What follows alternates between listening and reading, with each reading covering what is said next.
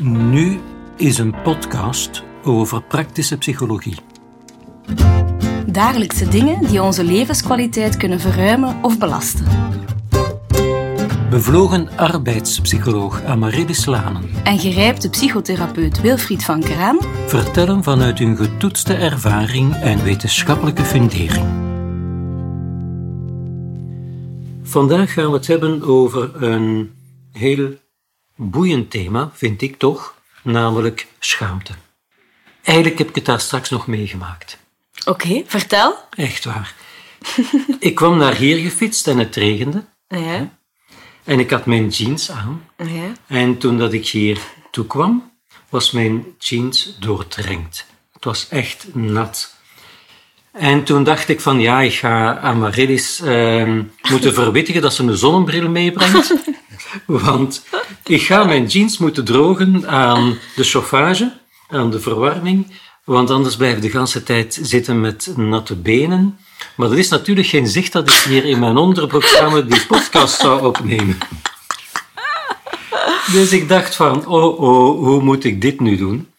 En uiteraard mocht ik hier in mijn onderbroek zitten, wat gelukkig niet het geval is, omdat ik eh, zo slim was van een lange onderbroek eh, nog bij aan te trekken, omdat het zo koud was om te fietsen vandaag langs de Schelde. Ehm, maar ik kan me voorstellen dat mocht ik hier in mijn onderbroek zitten, dat ik met een gevoel van schaamte zou zitten.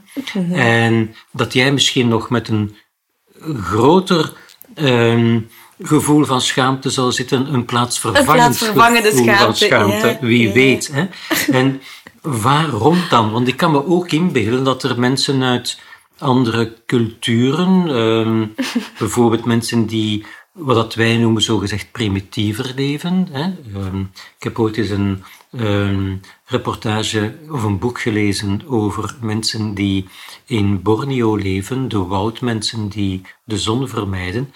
En die man die het boek schreef, ging met hen samen het woud in waarin dat ze leefden. En op een bepaald moment gingen die hurken en deden die hun kakske. En ondertussen waren die aan het lachen en aan het kletsen, terwijl dat die ehm, schrijver, die interviewer of eh, die reporter zich ontzettend ongemakkelijk voelde bij dat gebeuren, was dat voor hen absoluut niet iets wat dat hen ongemakkelijk maakte. Dus het is ook wel cultuurgebonden, Ja. natuurlijk. Hè? Ja. Ehm, heb jij voorbeelden van schaamte? Oeh, ja, meerdere. meerdere. Ehm, het, het voorbeeld dat je nu aanhaalt, ik vind het heel eh, grappig om dat eigenlijk net te horen. Omdat eh, het was onlangs ook, we waren ehm, in het zuiden van Frankrijk, in Montpellier, met nieuwjaar. En een, een vriend van ons was eh, een grote boodschap gaan doen op toilet. En dat was vlak naast de living. En je hoorde alle, alle geluidjes die daarbij hoorden. En inderdaad, ik voelde dan zo de, de plaatsvervangende schaamte. Ehm, terwijl dat, dat eigenlijk absoluut eh, niet nodig is of zo. En toch voelt je dat. Dan, dan krimp ik zelf ineen in zijn plaats. Ehm, ik heb dat ook al uiteraard zelf ervaren. Als ik bijvoorbeeld, ehm, ja, ik heb het er straks verteld tijdens de lunch, hè, een, een training had gegeven waar ik zelf echt niet tevreden over was. En ehm, ja, hoeveel schaamte dat ik daarbij heb ervaren. En nu nog, hè, als ik daar nu nog aan terugdenk, aan die training die niet, zo, niet goed was gelopen. Ik had, eh, ik had de mensen niet genoeg mee, naar mijn eh, mening. En eh, ja, de score was ook, ook niet, niet wat ik wou dat het was, de, allee, de evaluatie. En eh, ja, dan nog kan ik daar nog altijd heel veel schaamte bij ervaren. En Ik, ik krimp dan als ik zo echt in mijn lichaam ga voelen van, allee, waar, waar voel ik die schaamte? Dan krimp ik helemaal ineen. Dan, dan voel ik dat zo ter hoogte van, van mijn hoofd en mijn borstkas wil ik zo liefst helemaal wegkruipen. Dus eh, ook een heel oncomfortabel gevoel. Ik wil niet zeggen een negatief gevoel, maar echt een heel oncomfortabel gevoel. Dat is eigenlijk een, een voorbeeld van schaamte dat komt omdat je niet beantwoordt aan je eigen norm. Norm, ja. Ja, ja. Ja. Je kunt schaamte hebben omdat je niet beantwoordt aan de norm van de maatschappij. Mhm. Of je kunt schaamte hebben omdat je niet beantwoordt aan je eigen norm. Ja. Mhm. Ehm, wat ik mij heel diep over schaam, hè. ik voel het nu, hoe lastig dat het is om dat te zeggen, maar stel dat ik ehm, hier vanavond wegga, het is laat en ik fiets langs eh, wat afgelegen plekken door Gent en nadien wat verder. En ik zie dat er bijvoorbeeld iemand wordt lastiggevallen. hè. Door zo vier kleerkasten van mannen wordt er zo'n jonge dame lastiggevallen. Ik vind dat zo moeilijk om nu te zeggen dat het best zou kunnen dat ik niet tussenkom. Ja. Ja, ja, ja. Omdat ik, ik weet dan van die slagen met elkaar en er is weinig opgelost. Ja. Ehm, maar zelfs dat, al, al was het maar één kleerkast die er zou zijn in plaats van vier, Ja. mijn eigen angst om die pijn te ervaren, om in elkaar geslagen te worden, Mhm. primeert op ehm, de hulp die ik zou willen bieden aan het slachtoffer dat wordt Ja. lastiggevallen. Ja. En natuurlijk kan dan wel ehm, de politie bellen of 112 bellen enzovoort. Maar daar gaat het niet om. Het gaat erom dat ik niet beantwoord aan mijn eigen criteria van hoe dat Ja. ik eigenlijk hoor te reageren. Ja, dat is wel inderdaad eh, mooi dat je dat zo wil en kan delen. Want op een podcast dan kan ik me voorstellen dat dat nog lastiger is, omdat... Ja, het is publiekelijk, een publiekelijke bekentenis. Ja, Hè? En ja. ik hoop dat ik heldhaftiger zal zijn op het moment zelf. Maar ik hoop ook dat ik niet dommer zou zijn van er zomaar op af te vliegen zonder eh, goed na te denken wat de beste benadering zou zijn.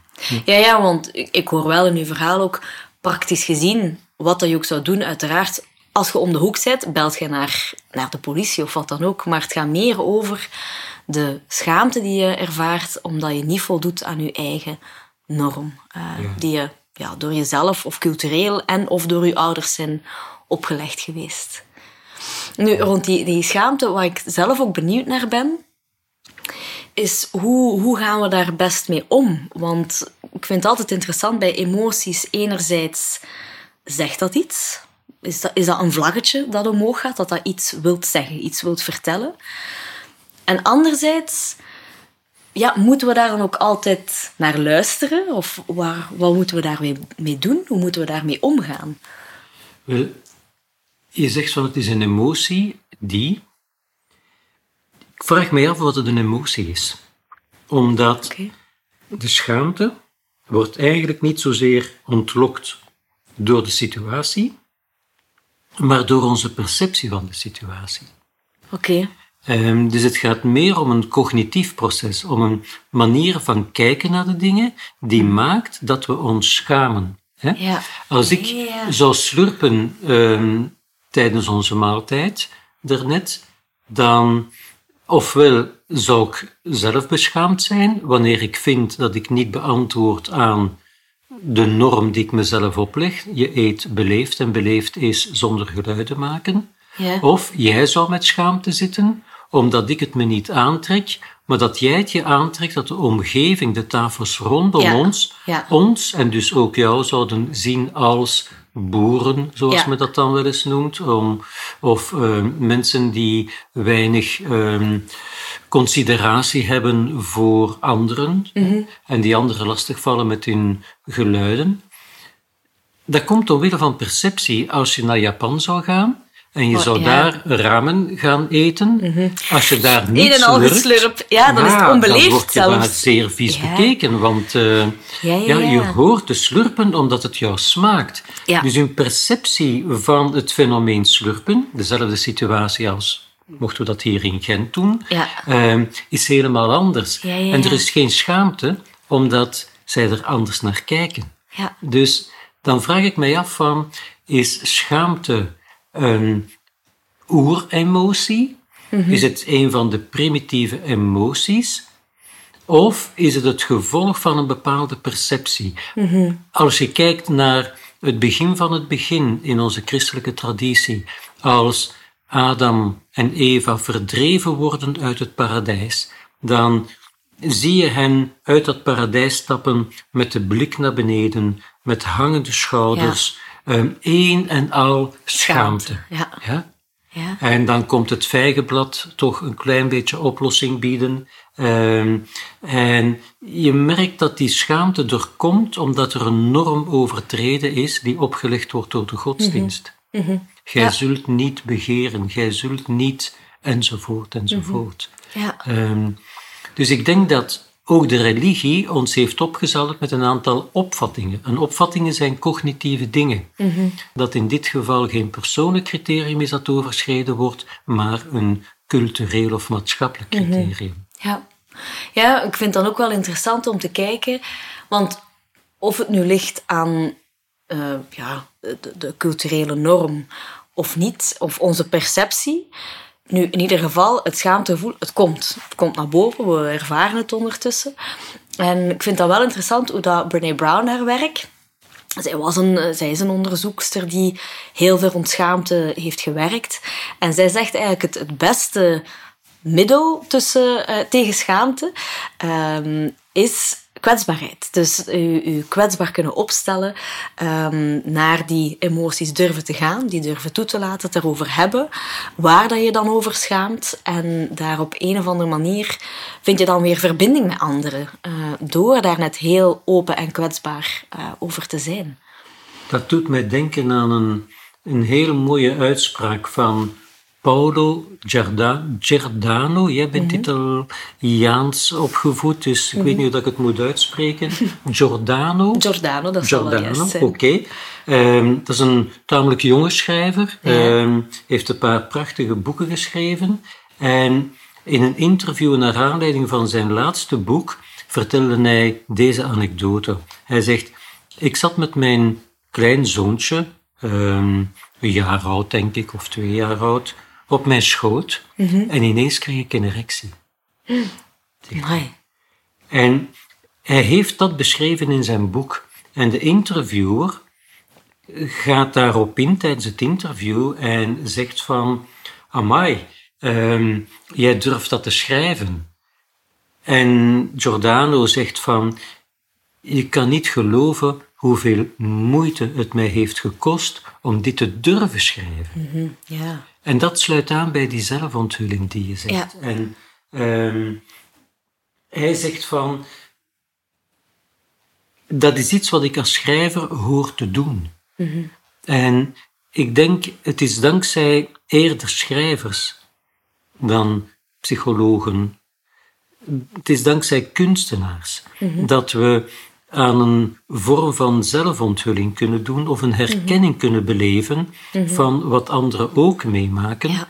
Ehm, en dan ben ik altijd blij dat zo iemand als die Giordano een, een schrijver is die zoveel mensen bereikt en eigenlijk tegen hen kan zeggen van wees niet eenzaam met uw schaamte. Je hoeft dit niet als schaamte te ervaren. Het is des mensen. Ja. En dat is zo'n verlossing. Ja. En in de kunst heb je ook heel wat kunstenaars die, die grenzen verkennen. Hè? Bijvoorbeeld Marina Abramovic is zo iemand ehm, die met haar lichaam heel ver gaat.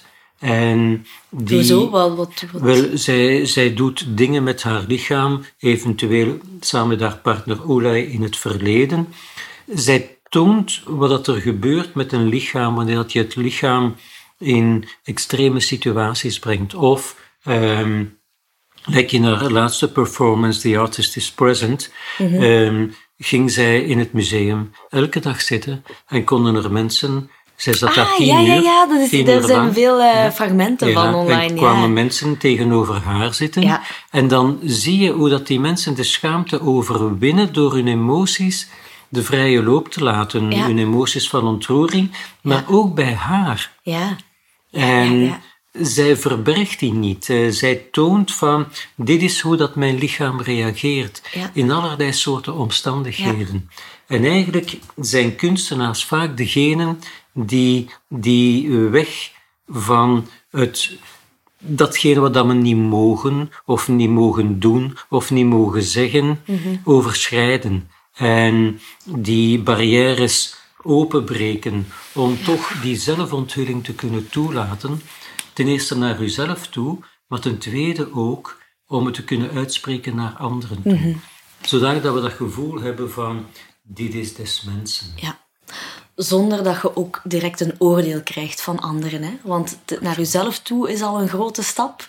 Maar naar anderen, uh, zonder dat je direct een oordeel krijgt. Uh, En het is zoals je zegt, ik denk dat dat ook zeer het is ten eerste verbindend tussen mensen, een verbindend middel, die kwetsbaarheid, en tegelijkertijd ook verlossend. Dus dat je zelf ook niet meer met die spanning zit, wat je er straks ook zei, dat spanningsveld, van heel de tijd ook die, je te verzetten tegen die schaamte. Want ook vaak, ik vind heel vaak bij schaamte, het is niet dat je dat heel snel herkent, of ik tenminste niet. Het is vaak eerst kwaadheid of, of frustratie of, of um, ja, afkeer. En daaronder, als ik dan een beetje meer nadenk van, tja, waarom ben ik nu kwaad? Of waarom vind ik dit nu echt heel vies? Is eerder uit schaamte. Ja, uh, en, en die schaamte is, is een veel subtielere emotie of zo. Ja.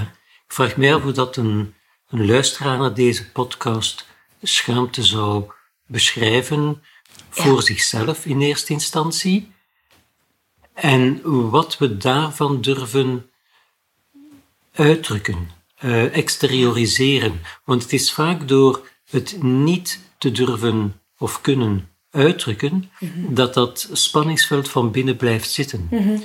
Maar een keer dat je er kunt over praten en dat je het op een of andere manier kunt exterioriseren. Praten is een van de manieren om het te exterioriseren.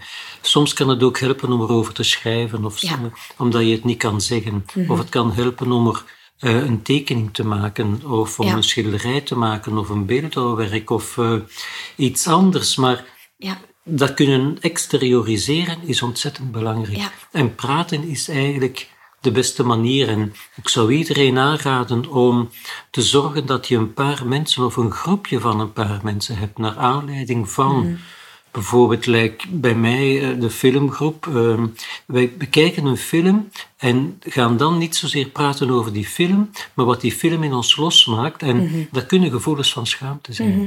ja. Ehm, dus ik zou mensen ten eerste aanraden om te zoeken naar anderen met wie dat ze datgene wat ze als schaamte ervaren kunnen delen. Mhm. En dan dikwijls een ander perspectief erop krijgen. Ja. Schaamte kan zo sterk zijn dat de realiteitsperceptie van mensen zo fundamenteel kan veranderen mhm. dat zij waarlijk datgene geloven dat hen die schaamte doet sparen. Mhm. Ja, om maar die schaamte niet, om maar te, die moeten schaamte voelen, niet te moeten voelen. Ja, het is blijkbaar zo Schaamte een is een moeilijke... hele, hele dominante, Ja. overheersende emotie. Ja. En u daar ook kwetsbaar over opstellen, vind ik ook al een moeilijke. Dat van, is heel moeilijk. Van daarover vertellen, ik vind dat heel spannend. Eh, bijvoorbeeld zelf, toen, dat ik, ehm, toen dat ik mama was geworden, ik zat, eh, toen ik zwanger was, was ik negen maanden op een roze wolk. En de reality check van, van de oververmoeidheid en, en wat... eh, ja, ik voelde mij ineens zo kwetsbaar toen ik mama werd. En, en de mentale bezorgdheid en de vermoeidheid enzovoort, dat er allemaal bij kwam. En ik schaamde mij daar ook enorm hard over. Ik, ik heb dat nooit snel gedeeld met mensen, eigenlijk niet. En het was pas toen ik daar zelf wat therapie voor had gevolgd, om, ja, ik wou daar toch op een of andere manier wel iets mee doen. Ehm, dat, dat, zij ook, eh, dat zij ook zei, goh, en is er niet iemand in je omgeving waar dat je dat mee kan delen? En ik zei, goh, wat vraagt je me nu? zijn allemaal supermensen. hè? ja, ja, het is dat. En, en dat, dat zo moeilijk vinden. En dat was echt ook een opdracht van mij. Oké, kies iemand waar dat je je echt veilig bij voelt. Dus om, om dat tegen te vertellen. Tegen mijn man kon dat, maar dat is nog altijd Ja, ja, ja. redelijk eenzaam, vind ik. Maar eh, bij je partner, enkel bij je partner. En dan had ik inderdaad een vriendin, Geraldine, waar ik dat dan zo stilletjes aan, met hele kleine beetjes, ben proberen ja. Delen.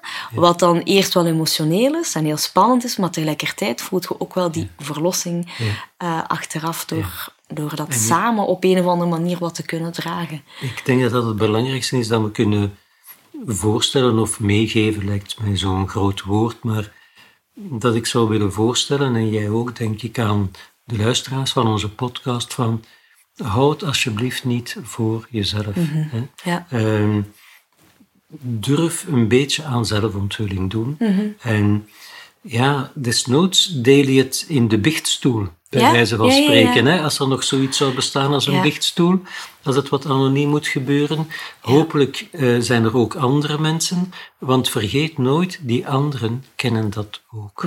Misschien niet net hetzelfde, maar ook dat idee dat ehm, het iets is dat echt beschamend is en ehm, dat jou tot een verschrikkelijk iemand zou maken. Dat is niet zo. En het is maar door het uit te spreken dat je merkt dat het des mensen is. Ja. En dat je dat niet op je eentje moet dragen. Ja, en ook als jij de gelukkige bent of de eer krijgt om de ontvanger te mogen zijn van zo'n onthulling, eh, wil ik misschien ook wel meegeven, probeer daar gewoon met, met mildheid en nieuwsgierigheid naar te luisteren. Ja. En niet met oordeel van gewoon, amai, fijn dat je dat deelt. Want soms mensen vinden het zelf ook heel ongemakkelijk om met zo'n onthullingen om te gaan. Ja, ja, Eh, ja, ja, ja, ja. En dat vind ik dan ook wel iets, iets... Ik weet nog dat ik Geraldine had gekozen omdat ik wist van oké, dat is echt wel iemand waar ik mij veilig bij voel en waar dat ik weet dat zij niet heel snel Ja. een oordeel gaat vellen of, Ja. of het ook van tafel gaat proberen vegen. Ja. Van, oh, moet u niet schamen. Ja, het, Is, het is er en het mag er wel zijn. Eh, want dat is misschien nog een, een laatste stuk dat ik wil delen ook, of, of wil eh, meegeven aan mensen. Er is eh, Susan David, is een onderzoekster die daar ook een heel interessant boek over heeft geschreven. Niet specifiek over schaamte, maar wel over emotional agility. Van hoe omgaan met lastige gevoelens of heel oncomfortabele gevoelens. En ze beschrijft dat ook met, eh, met vier stappen. Eén, ja, show up. Hè. Voel wat dat er te voelen valt. En daar komt weer een stuk van mindfulness in. Van, dat gaat ook pas als je op een of andere manier in het nu kunt ervaren wat er allemaal speelt in je lichaam en je geest. Peter de Graaf noemt dat ook eh, van binnen poetsen. 20 minuten per dag gewoon eens wat zitten en laten komen. En zo kan je dus emoties sneller herkennen. Een tweede stap is dan eerder van ehm, neem daar ook, kijk daarnaar met een zekere afstand ook. Want dat vind ik ook een nieuwe insteek.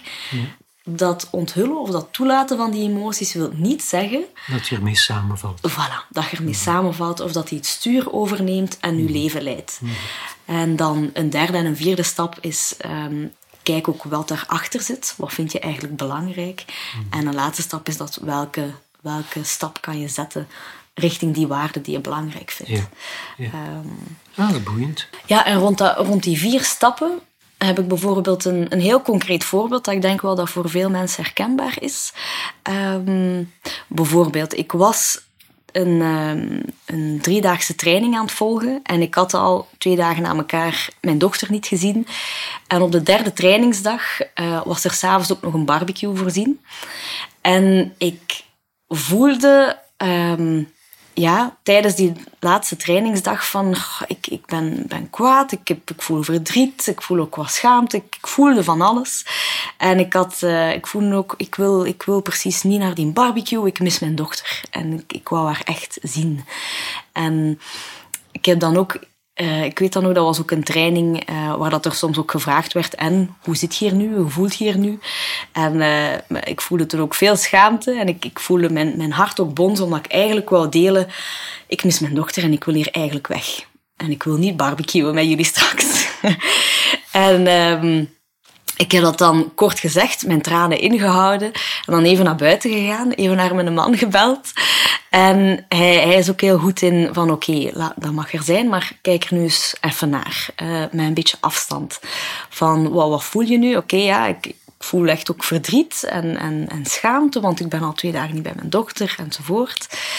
Ehm, dus dat is die eerste stap. Dat voelen. Dat, dat toelaten en dat voelen. dat die tranen ook, ja, dat onderkennen, die tranen naar boven laten komen. Ik heb ze dan eventjes ingeslikt, omdat ik de schaamte niet wou ervaren van voor een groep tranen te laten zien. Ehm, een tweede stap is daar met een zekere afstand naar kijken. Dus naar een, een klankbord het overlopen. Wat mij ook heel vaak helpt, is schrijven. Gewoon eens schrijven. En als je dat een dag daarna terugleest, dan denk je, amai, wat was ik daar eigenlijk allemaal aan het voelen? Dat is nu allemaal al veel beter. Een heel eenvoudige manier vanuit mindfulness dan, is dat je bijvoorbeeld een paar keer rustig diep in en uitademt. Ja, Hè? Of dat je je focust op iets wat er in het hier en nu is. Bijvoorbeeld, je bent aan het eten, je focust je op de smaak van hetgeen dat je aan het eten bent. Ja. Of je bent eh, iets aan het beluisteren, of je zit daar in die vergadering en je luistert naar de mening van die anderen en je focust daar recht op. Mhm. Dus dat je eigenlijk eventjes in het huidig moment blijft, Ja. maar dat je niet samenvalt met die emotie. Voilà. En ik noem dat in mijn boek ook de stoel achteruit schuiven. Het is een bureaustoel met wieltjes. Ja. En je schuift jezelf een beetje achteruit ten Ja. opzichte van wat er in jou gebeurt. Ja. En daardoor bekijk je het wat ruimer en zie je ook meer mogelijkheden om er iets mee te doen of niet. Ja. En de wijze waarop je erop zou kunnen reageren en de wijze waarop je er naar kijkt ook. Ja. Terwijl als je er zo dicht op zit, dan blijf je maar op één manier er naar kijken en blijf je maar één reactie vertonen, die van de automatische piloot. Ja, ja.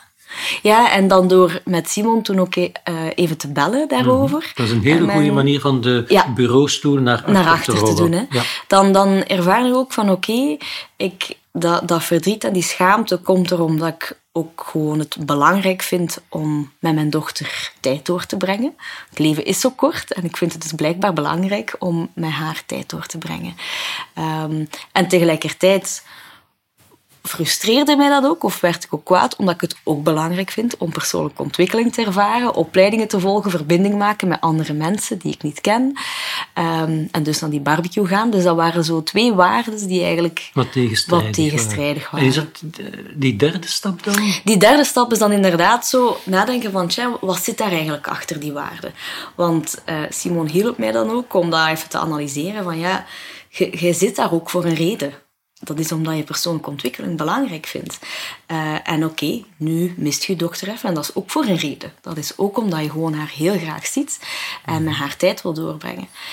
En door die, eh, dus eerst die gevoelens te herkennen, daar met zekere afstand naar te kijken en te kijken welke waarden dat erachter zaten. Die ambivalent kunnen zijn. Hè? Ja. Je wil tegelijkertijd een goede moeder zijn, je wil tegelijkertijd bij je dochter zijn omdat je het zelf echt graag wilt. Ja. Maar tegelijkertijd wil je ook die verrijkende ervaring meemaken van dat seminarie of wat het Ja. ook mogen geweest zijn. Dus die ambivalentie ehm, kunnen aanvaarden en dan een lichte verschuiving toelaten, die hier ontlokt werd door het gesprek met jouw man. Ja. Dat je dat op de voorgrond zetten van ik wil bij mijn dochter zijn, Ja. dat dat naar de achtergrond gaat, Ja. omdat je iets anders op de voorgrond zet. Namelijk, het is ook waardevol van hier te zijn, hè, op dat congres of op die studiedag. Ja. En een laatste stap is dan een, een, een, een stap nemen richting die waarden. En oké, ik had nu twee tegenstrijdige waarden. Maar dan kon ik ook met een zekere afstand ook ervaren van... Kijk, ik ga hier vanavond gewoon in het moment toch hier zijn en hier blijven. Ik heb morgen en overmorgen en de dag nadien drie volle dagen met mijn dochter. Ja. Dat is oké. Ja. Dan gaat die waarde ook wel vervuld worden of bevredigd worden.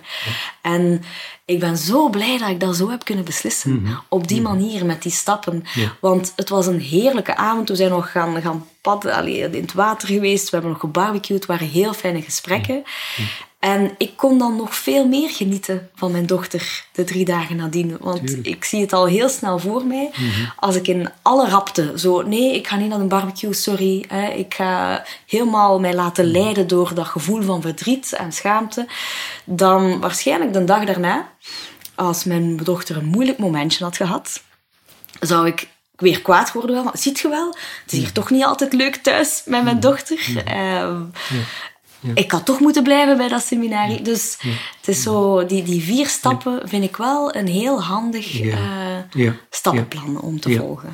En er is één woordje dat mij bijgebleven is van jouw vierde stap, dat is beslissen. Ja, Je hebt een beslissing genomen. Op een bepaald moment. Je hebt de beslissing genomen om te blijven en de voordeelkant van die keuze op de voorgrond te blijven zitten. Ja. Want je zou kunnen gebleven zijn en constant aan jouw dochter gedacht hebben. ja, Ja, dan zit je natuurlijk ook met frustratie. Ja. Terwijl nu heb je een beslissing genomen van ik blijf ja, hè, en ik zet de voordeelkant van dat blijven op de voorgrond. ja, En dat is denk ik een heel belangrijk iets dat als je een keuze maakt, want vaak zijn de dingen ambivalent in het leven, dat je de voordeelkant van die keuze op de voorgrond blijft houden. Ja.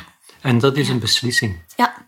En dat geeft heel veel gevoel van ja, controle over je leven eigenlijk. Ja, Hè? Als ja. je op heel veel momenten beslissingen kunt nemen, dan... eh, In plaats van het slachtoffer te zijn, hè, of in plaats Ja. van het gevoel te hebben dat je slachtoffer bent van, goh, nu zit ik hier vast op dat seminarie, of op die vergadering, of op die opleiding, of wat dan ook. En ik zou zo graag bij mijn dochter zijn. ja, Je bent een vrij mens en je kunt eigenlijk keuzes maken. En op dat moment beslis je om te blijven. ja, En dan ben je dat vrije, eh, die vrije persoon die een keuze maakt voor zijn eigen levenskwaliteit. En ben je daar verantwoordelijk ook voor. ja.